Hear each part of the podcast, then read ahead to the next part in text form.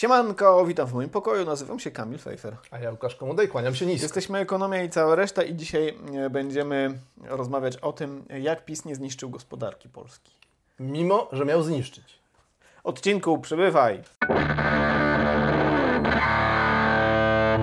Jak zazwyczaj na początku serdecznie pozdrawiamy naszych patronów i patronki, e, zwłaszcza osoby, znaczy pozdrawiamy wszystkich, ale nasze takie szczególnie ciepłe myśli e, płyną do osób zrzeszonych w naszej patronackiej grup, grupce na której możecie zobaczyć filmiki e, niedostępne nigdzie indziej. Dzisiaj będziemy nagrywać chyba najciekawszy. Najdziwniejszy. Najdziwniejszy odcinek, mianowicie taki. E, czy pan, czy e, Elon Musk e, ma wpływ na obserwację UFO? Ale są również inne ciekawe odcinki. E, memy oraz rozkminy ekonomiczne. Jeżeli za, zapłacicie na, na Patronajcie na dzieło e, ekonomii całej reszty 20 zł lub więcej, to trafiacie na tą e, specjalistyczną grupkę. Chciałem powiedzieć, że znaleźliśmy bardzo ciekawe badanie, ale tak naprawdę znalazł to obserwator gospodarczy, który bardzo serdecznie pozdrawiamy. Jest to chyba najciekawsze medium ekonomiczne. I e, obserwator gospodarczy nie, nie zapłacił nam za to stwierdzenie. Moim zdaniem najciekawsze medium ekonomiczne w Polsce. Ostatnio bardzo dużo ciekawych badań wyciągają i, i, i rzeczywiście wiele się można dowiedzieć rzeczy, które są sprzeczne z różnymi naszymi tak. intuicjami. Obserwujcie e, obserwatora, e, obserwatora oraz oglądacie też, oni też mają tubkę całkiem ciekawą. W, wpływ PiSu na gospodarkę. Bo te, o tym wpływie PiSu na gospodarkę mówiło się w zasadzie od początku e, przejęcia mm, władzy przez PiS, a właściwie jeszcze wcześniej. I były właściwie dwie, dwie albo trzy takie e, dwa albo trzy takie stronnictwa. Jedno, e, dobrze powiem to, takie bardzo liberalne, które mówiło o Boże, Boże, dojdzie PiS do władzy, będzie rozdawnictwo, gospodarka upadnie, e, chleb będzie po 20 zł. Boże, ja kupuję chleb po 20 zł. No to będzie po 1000 zł chleb e, i, i mm, e, co, nie będzie pracy. Nie będzie, będzie niczego. Nie będzie niczego, będzie wielka bieda. To mówili jedni. Rzeczywiście mamy do czynienia z inflacją, mm, ale nie sądzimy, że inflacja jest spowodowana przez PiS bo nie uważamy, że PiS ma, albo przynajmniej nie uważamy, że jest to mało prawdopodobne, żeby PiS miał wpływ na gospodarkę globalną. Szczególnie na przykład amerykańską. Tak. Mm. Po, tym, po tym łyczku e, był jeszcze taki e, drugi, mm, druga część komentariatu, powiedzmy. E, ja się trochę do niej zaliczyłem, to znaczy uważałem, że zapisu będzie lepiej niż za PO, tak jak za PO było lepiej niż za pierwszego PiSu, a zapisu było lepiej niż za E, SLD, a za SLD było lepiej niż za AWS-u, a to dlatego, że mamy do czynienia po prostu z pewnym e, obiektywnym poprawianiem się sytuacji gospodarczej. e, Polski od lat 90. Jest od to, połowy, powiedzmy od końca lat Jest 90. to trend widoczny w bardzo wielu wskaźnikach, nie tylko we wskaźników PKB, ale również ubóstwa, oszczędności, jakości gos sprzętu w gospodarstwach domowych E, jakości mieszkań i tak dalej, i tak. To, to, po prostu, to po prostu się dzieje. E, ale teraz, no i jeszcze była część ta taka pisowska, która mówiła oczywiście, że e, przyjdzie PiS do władzy. Będzie super. I będzie super. I kto miał rację? Bo mamy badanie. Obserwator Gospodarczy podsunął badanie Michała Brzezińskiego i Katarzyny Sałach-Druszcz, która, którzy się przyglądają temu, jak wyglądają efekty rządów populistycznych w Polsce, jak oni E, to mówił, czyli rządy PiSu.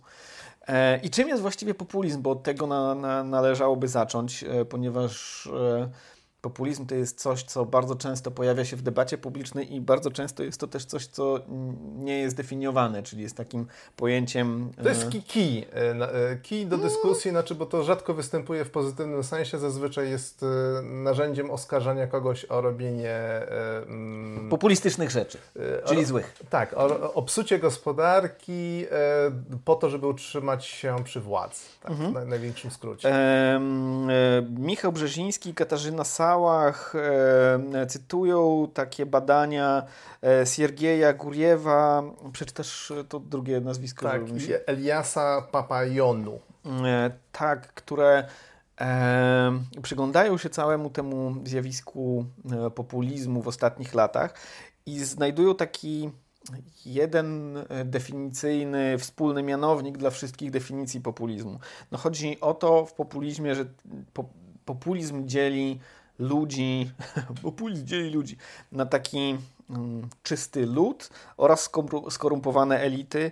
E, czystym ludem są ci prości, moralni, zwykli, ciężko pracujący ludzie, no a skorumpowaną elitą jesteśmy my. Pewnie. Media, bankierzy, tak. ekonomiści, e, akademia, e, no Słuchaj, wszyscy ci, którzy... Ale część z nich naprawdę jest skorumpowana. No, Co zrobić? Więc jest to też te, takie te, wyższość moralna też jest między, między tym, te, tym te, ten lud ma wyższość moralną na, nad elitami. drugi element? E, drugi element e, populizmu to jest taki... Mm, e, Homogenizacja ludu. obu grup, to znaczy, że mhm. w, w grupie tych ciężko pracujących, uczciwych, zwykłych ludzi. Są tylko ciężko pracujący, zwykli, uczciwi ludzie, którzy mają te same e, interesy, potrzeby. potrzeby, a nie rozróżnia się tam również wewnętrznych e, grup, subgrup interesu. Osoby tak, starsze mają inne interesy niż osoby młodsze, osoby... E... Młode z dziećmi, bezdzietne i tak dalej, i tak dalej. Każda z tych grup ma tak naprawdę trochę inne spojrzenie na świat i inne, mhm. interesy, i, inne interesy i też często inny światopogląd, mhm. ale robi się z nich taką jedną zupę, e, która ma właśnie być e, tym ludem, tym mhm. właśnie mhm. E, słusznym, tak. o którego tak naprawdę dobrostan państwo powinno zabiegać. Mhm, mhm. no i trzeci element to jest taki, że jeżeli występuje się przeciwko tym skorumpowanym elitom, i się rzecznikuje, jak to się ładnie mówi, ale nie wiem, czy, czy, czy poprawnie, temu ludowi, czy też na, rzecznikuje się na rzecz ludu.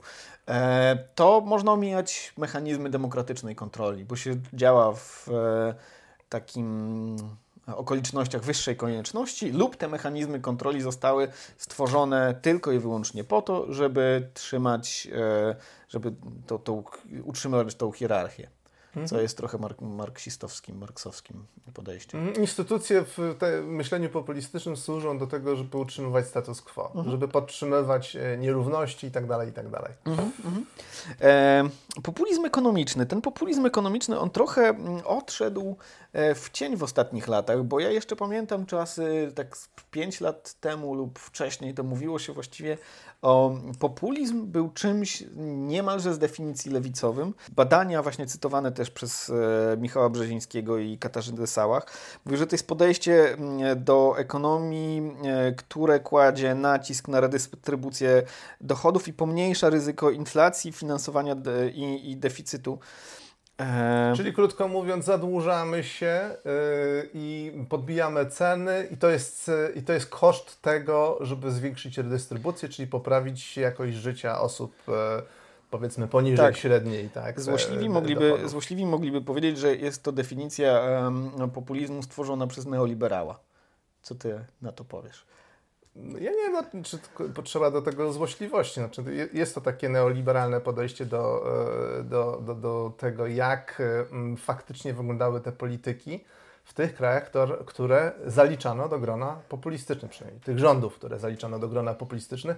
E, ciekawostką jest to, że populizm rośnie w siłę. Mhm. E, to, co zauważyli właśnie Dornbusch i Edwards w, w tych badaniach z lat 90., to oni, w, w, oni, oni się skupiali wtedy na tych populizmach, które dominowały, czyli praktycznie wyłącznie lewicowych, mhm. ale badacze zwracają uwagę, że od tego czasu e, nie tylko pojawił się populizm prawicowy, konserwatywny, mhm. ale też w ogóle populizm e, staje się coraz częściej E, dominującą taką e, e, formacją intelektualną, czy takim, taką formacją polityczną, która zdobywa coraz... Formacją władzy. Tak, formacją, tak, tak, tak, formułą zdobycia władzy. I tak jak w latach 80. mniej więcej 5% krajów można było uznać za takich, które są prowadzone przez populistów, mhm Tak, teraz mówi się nawet o 20-25% e, państw, gdzie właśnie populiści, populiści są mhm. u steru.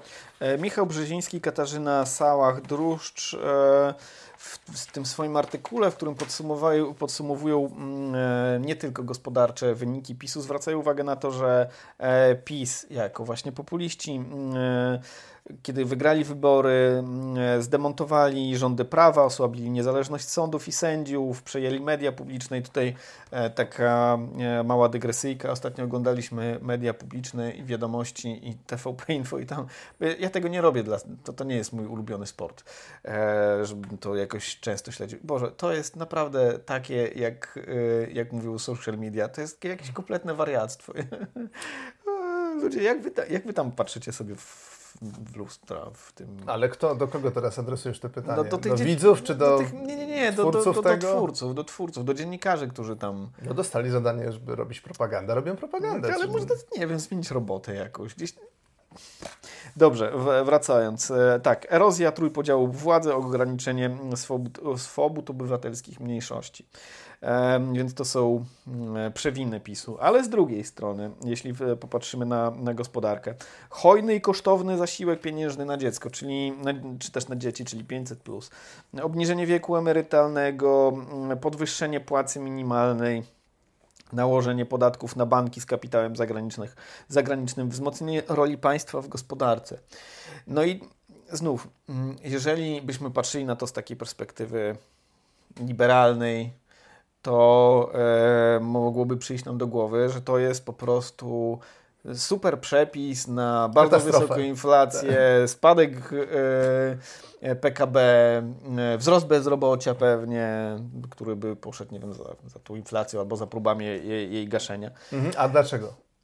No. Dlatego, że jeżeli zaczynamy realizować politykę populistyczną, no to skupmy się na, na, na świadczeniach. Tak? Dajemy mhm. ludziom dodatkowe pieniądze, podwyższamy na przykład płace w sektorze publicznym i tak dalej. Jeżeli gospodarka nie jest w stanie odpowiednio e, szybko zareagować, no to musi podbić ceny, no bo pojawia mhm. się dodatkowy pieniądz w portfelach, ludzie wydają te pieniądze. Y, opróżniają półki w sklepach, mhm. więc sklepy reagują, podwyższają ceny, więc e, bardzo szybko po tym krótkotrwałym takim skoku jakości życia następuje e, powolny e, i często, czy właśnie, ale nie, ale nie zawsze, nie uprzedzajmy faktów, nieunikniony, spadek jakości życia i konsumpcji w przyszłości. E, cytowani Dornbush i Edwards to takie stare badania, ale jak rozumiem klasyczne, bo, bo wielokrotnie było przywoływane w tym e, z kolei artykule bardzo ciekawym Brzezińskiego i Sałach Druszcz. E, wymieniają właśnie takie cztery fazy rządów populistycznych. Oni się przyglądali mm, rządom populistycznym w Ameryce Łacińskiej, Argentynie, Brazylii, Chile, Meksykowi, Nikaragui i Peru. I po pierwsze właśnie była taka Mm, bardzo silny nacisk na redystrybucję i ekspansję fiskalną. E, po drugie, e, nie nadążała e, podaż, podaż za popytem. Więc rosną ceny. Rosły ceny. Zjada, zjada tak naprawdę te wszystkie korzyści, które... Tak, które... rosnące ceny, mhm. wysoko rosnące ceny, szybko rosnące ceny powodują realny spadek płac. Zresztą z tym mamy do czynienia mm, po raz pierwszy od lat 90. Mieliśmy do czynienia w 2022 roku w Polsce, ale mm, nie przez PiS raczej. E, o czym zaraz. Mm, mhm. No więc e, te, I potem te gospodarka wszystkie... zwalnia, no bo jest cięższa fiskalna łapa, mhm. wycofuje się kapitał, bo się boi nacjonalizacji. E, generalnie kraj przestaje być tak bardzo w ogóle atrakcyjny do tego, żeby jakikolwiek biznes rozwijać mhm. z różnych powodów i koniec końców okazuje się, że wszystkie te korzyści, które na początku uzyskano zostały utracone, a kraj znajduje się dużo gorszej pozycji niż gdyby populiści władzy nie zdobyli. Mm -hmm. No brzmi to wszystko jak tak, e, taki podręcznik neoliberalny, no ale jakby mamy na to papiery. No, nie, nie... Jest dość literatury, okazuje się, że właśnie w ostatnich latach w ogóle e, studiowanie populizmu i szczególnie populizmu ekonomicznego e, zdobywa coraz większe zainteresowanie ekonomistów, jest coraz więcej i więcej i więcej publikacji na ten temat i to, do czego za chwilę dojdziemy, e, to jest to, że właściwie można powiedzieć o jednym wspólnym modelu tego, mhm. jak się zachowują państwa populistyczne, jak się zachowuje ich gospodarka w dłuższym terminie. Problem jest taki, że Polska nie pasuje do tego modelu. Nie, nie uprzedzajmy faktów. Badania z 2020 roku pokazały, że po 8 latach sprawowania władzy populiści obniżają PKB na mieszkańca o około 20%. E, Porównując początek i koniec okresu tak. rządów populistycznych, czyli to jest te 20% utracone na skutek tego, jaką politykę realizowano. Mhm. Jeszcze większe badanie mm, z 2020 roku, biorące po, pod uwagę taki naprawdę mm, długi szereg czasowy czyli okres od 1900 roku do 2018. I badacze przyglądali się temu 50 mm, populistycznym prezydentom i premierom w tym okresie właśnie e, i stwierdzili, że 15 lat po rozpoczęciu takiego populistycznego epizodu realny PKB na mieszkańca i konsumpcja mm, spadały średnio, e, właściwie nie tyle spadały, ile Co były niższe, niższe utracone, utracone PKB. Niższe mhm. niż w przypadku, gdyby tymi państwami nie rządzili populiści. No właśnie, i to jest bardzo ciekawa sprawa, czyli skąd właściwie wiadomo, co by się działo, gdyby populiści nie rządzili. I tu jest bardzo ciekawy myczek, e, który badacze e, stosują, mianowicie tworzą alternatywną, kontrfaktyczne, alternatywne, kontrfaktyczne państwo, e, wyciągając e, średnią z państw, które są bardzo podobne do tego państwa, różniących się, różniące się tym, że nie rządził nim populista. Czyli bierzemy państwa, państwa na podobnym poziomie rozwoju, o podobnej strukturze gospodarki, mhm. o podobnym zadłużeniu itd., itd., itd. i konstruujemy wirtualny kraj alternatywny, w którym nie rządzą populiści, żeby go porównać do tego, tak. który faktycznie jest. I w ten sposób właśnie zostało też to wymodelowane dla Polski. Kraje, które złożyły się na ten model kontrfaktycznej Polski, e, to były część krajów z OECD i z Unii Europejskiej. Badanie e, było, czy też symulacja e, była przeprowadzona za lata 2016-2019. Co się okazało? Jak tam, jak tam ten PiS zniszczył gospodarkę?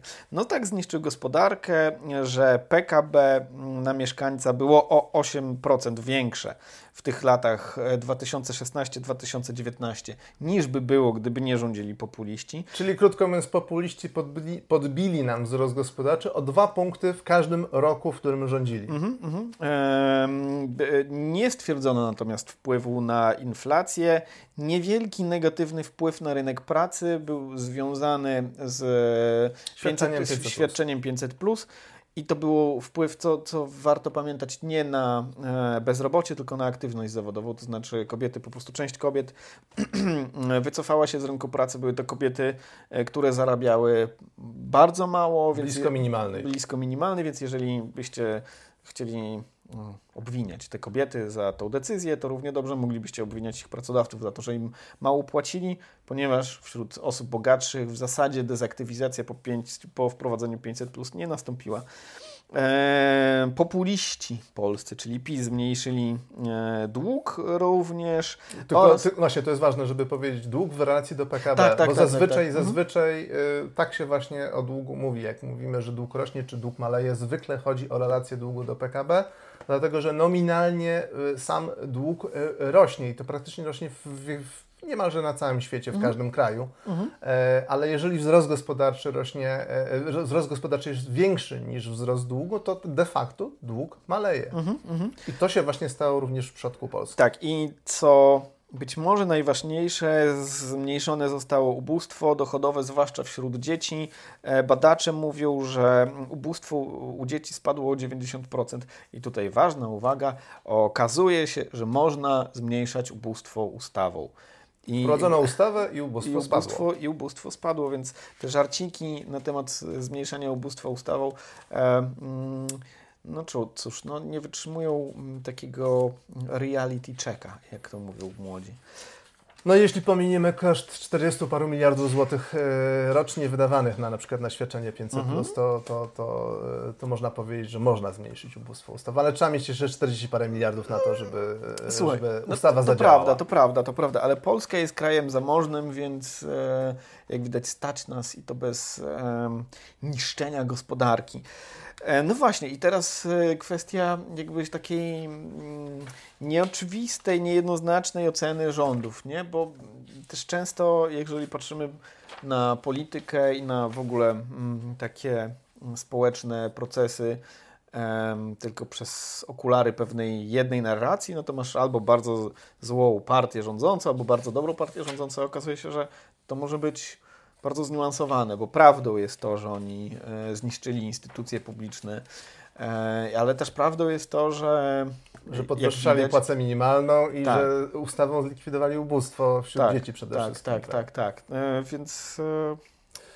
I ja, dla mnie najważniejsze zastrzeżenie do tego badania jest takie, że ono jest troszeczkę za wcześnie przeprowadzone. Mhm. Większość tych badań, które pojawiały się, które cytowaliśmy i które też pojawiają się w literaturze, E, e, dotyczące właśnie efektów e, władzy populistycznej zwykle mówi o perspektywie po 8 latach albo po 15 latach mhm. wprowadzenia władz, które realizują taką populistyczną politykę. Tutaj mówimy o 4 latach, bo mówimy z perspektywy do 2019 roku. Mhm. Więc to jest jakby jedno zastrzeżenie, że nie wiemy jeszcze, jakie byłyby te efekty porównywalne po 8 latach rządów. Tak? To prawda. Trzeba będzie poczekać tak ze dwa lata pewnie w, w, w stosunku do tego, w jakim roku jesteśmy teraz, w 25 pojawią się badania, które pozwolą to porównać. Okej, okay, to jeszcze jedna rozkminka. Dlaczego my zabrzmieliśmy tutaj jak neoliberałowie i, i co z tym neoliberalizmem tutaj e, w tej całej opowieści? To znaczy, czy co, nie można redystrybuować? Mm, to, ja... jest, to jest taka mm, pytanie otwarte. Nie, ja myślę, że, ja myślę, że to jest e, tak. Po pierwsze, musimy być otwarci intelektualnie na to, że, e, że każdy kraj jest trochę inny mhm. i że ciężko porównać Polskę do Peru mhm. I do efektów działania populistów w Peru. Druga rzecz, y, nie wiemy, nie wiemy, jakie będą długoterminowe efekty takiej polityki, jak bardzo zepsute instytucje będą tworzyły dalej odpowiednie mhm. zaplecze dla tego, żeby się gospodarka rozwijała. Być Ale ty, może... ja już mówię w, mhm. w takim szerszym planie, e, co z redystrybucją.